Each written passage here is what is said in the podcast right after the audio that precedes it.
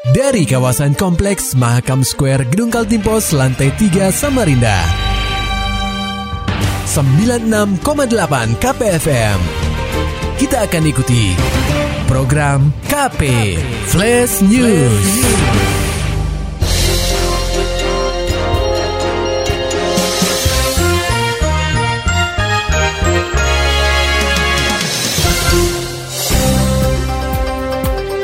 Pendengar KP, Jaringan Advokasi Tambang atau JATAM sangat menyayangkan statement dari Kepala Dinas Energi dan Sumber Daya Mineral atau ESDM Provinsi Kaltim, Wahyu Widi Heranata, yang mengatakan bahwa kematian korban ke-35 di lubang bekas tambang akibat kurangnya pengawasan orang tua terhadap anak. Menurut anggota Jatam Kaltim Dedi Irawan, usai mengikuti peninjauan bersama Kepala Dinas ESDM Kaltim, dirinya merasa bahwa hasil dari tinjauan tersebut tidak memberikan solusi dan semata-mata menyalahkan orang tua korban. Dedi menjelaskan kasus ini semata-mata tidak hanya kesalahan orang tua korban, ada juga keterlibatan dari Pemprov Kaltim serta perusahaan tambang yang lalai melakukan pengawasan terhadap eks lubang tambang batubara. Dedi menuturkan sesuai dengan peraturan yang ada, sudah jelas bahwa ada aturan yang mengatur reklamasi pasca tambang. Bahkan dari hasil tinjauan tersebut, terlihat bahwa tidak ada pagar pembatas maupun pos penjagaan di lubang tambang itu. Padahal hal tersebut merupakan kewajiban dari perusahaan tambang.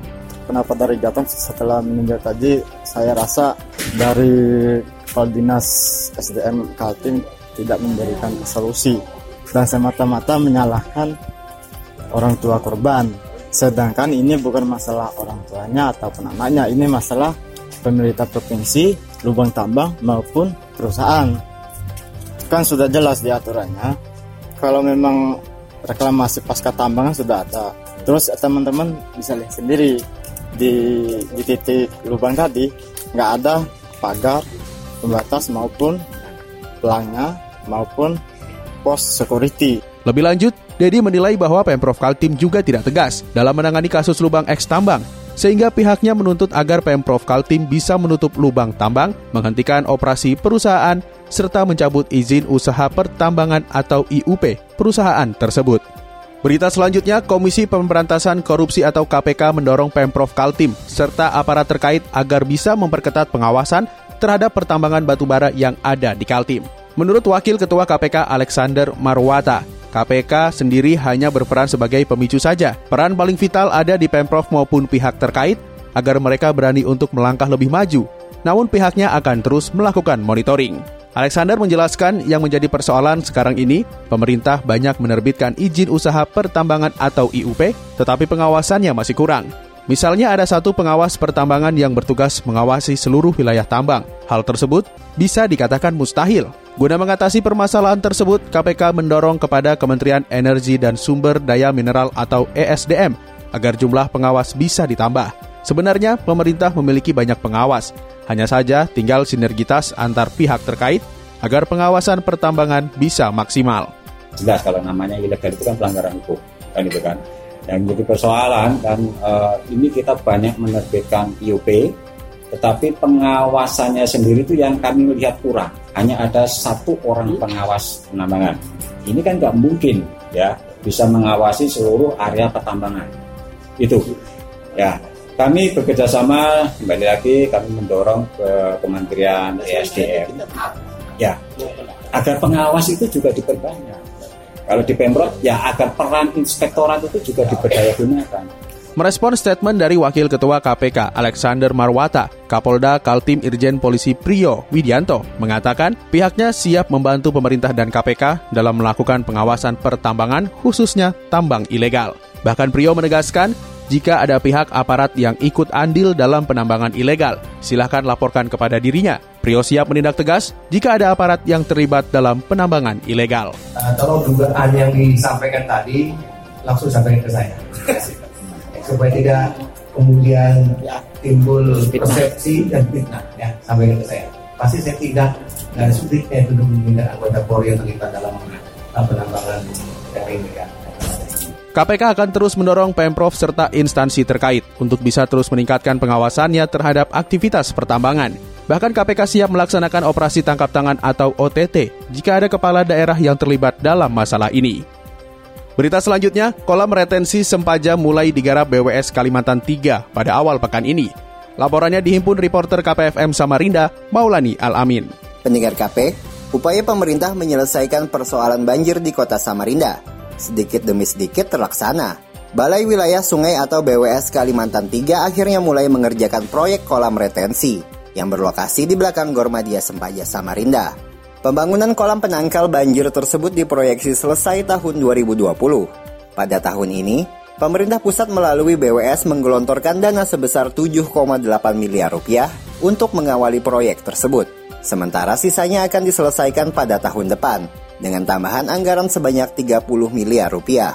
Kepada KPFM, Rabu 26 Juni 2019, Kepala BWS Kalimantan 3 Anang Muklis mengatakan, kolam retensi Sempaja ini belum bisa menyelesaikan persoalan banjir secara tuntas. Pasalnya, Kolam yang dibangun di atas lahan seluas 0,7 hektar tersebut hanya bisa menampung 27 ribu kubik air.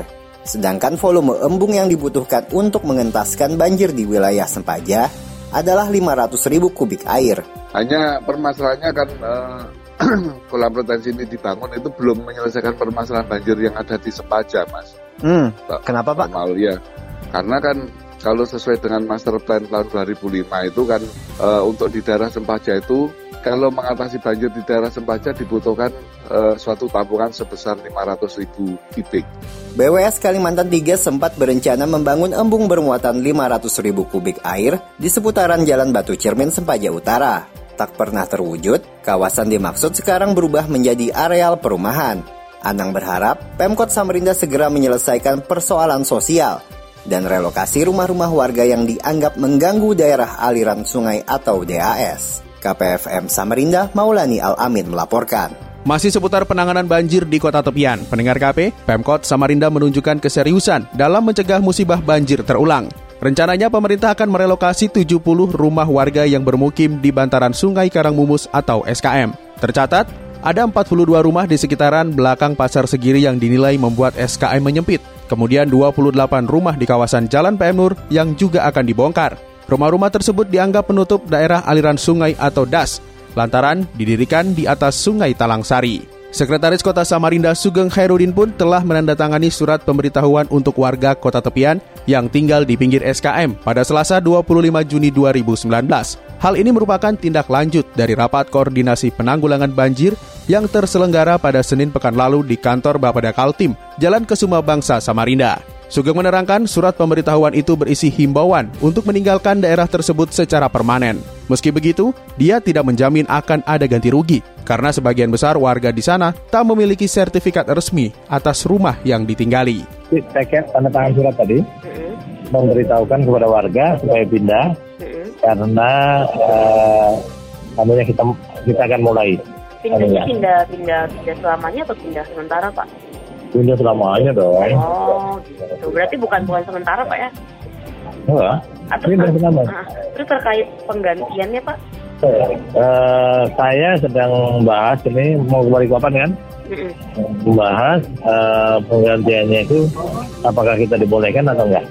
Hmm. Kalau enggak nanti ya santunan ya santunan. Terpaksa. Yang kayak segmen perniagaan kemarin. Ya iya kalau mau santunan santunan, tapi kalau dibolehkan ganti kita ganti. Sementara itu saat dihubungi lewat saluran telepon pada Rabu 26 Juni 2019, Asisten 1 Sekretariat Pemkot Samarinda, Tejo Sutarnoto, mengakui bahwa pihaknya sudah mengeluarkan surat pemberitahuan tersebut.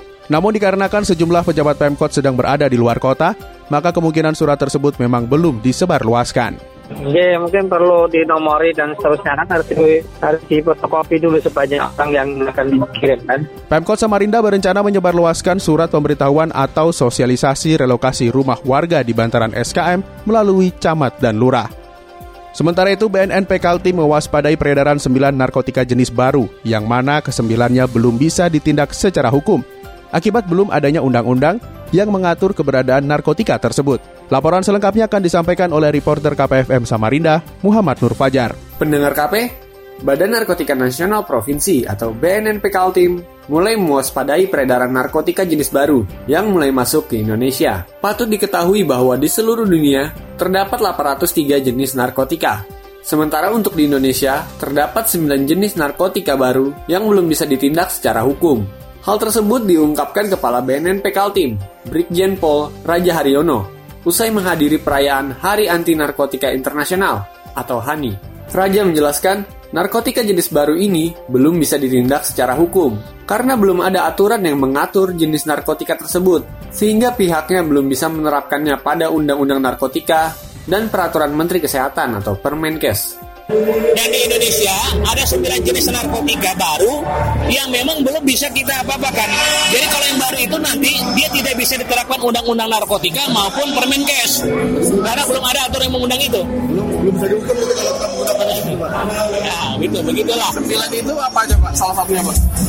Nah, soal sembilan itu memang nanti kita carikan. Kita tidak mengekspos Ketika awak media mengkonfirmasi apa saja 9 jenis narkotika tersebut, Kepala BNNP Kaltim, Brigjen Pol Raja Haryono, belum mau mengungkapkannya. Hal ini dilakukan karena jika semakin diekspos, maka semakin banyak pula orang yang mencari narkotika tersebut. Memang untuk sejauh ini, BNN belum menemukan peredaran 9 jenis narkotika tersebut di Kaltim. Namun, pihaknya akan terus melakukan penindakan guna mencegah peredaran narkotika tersebut masuk ke wilayah Kaltim. KPFM Samarinda, Muhammad Nur Fajar melaporkan. Beralih ke dunia olahraga, usai menggelar seleksi daerah atau selekda pada 20 hingga 23 Juni lalu, Pengprov Persatuan Panahan Indonesia atau Perpanikal Tim mengklaim mendapat gambaran atlet-atlet yang disiapkan menuju Prapon. Ditemui KPFM, Kamis 27 Juni 2019, Wakil Ketua 1 Perpanikal Tim Sugeng Mohdar mengaku telah menyiapkan 24 atlet untuk berlaga di Prapon. Dari tiga divisi yakni divisi recurve, kompon, dan standar bow, Pengprov mencari masing-masing empat atlet putra dan empat putri yang terbaik untuk mengikuti babak prakualifikasi PON 2020. Selanjutnya, ke-24 atlet tersebut akan mengikuti lagi kejuaraan provinsi yang akan berlangsung di Kabupaten Penajam Pasir Utara pada 28 Juli hingga 4 Agustus 2019.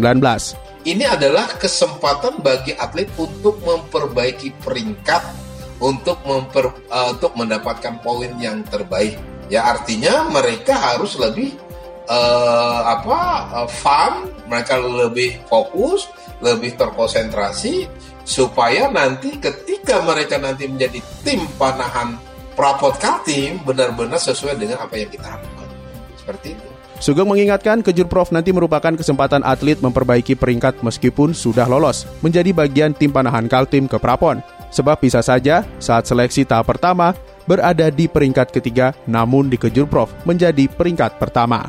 Maulani Alamin, Muhammad Nur Fajar, KPFM Samarinda. Demikian tadi telah kita simak rangkaian berita-berita yang terangkum dalam program KP Flash News. Persembahan dari 96,8 KPFM. Terima kasih dan sampai jumpa.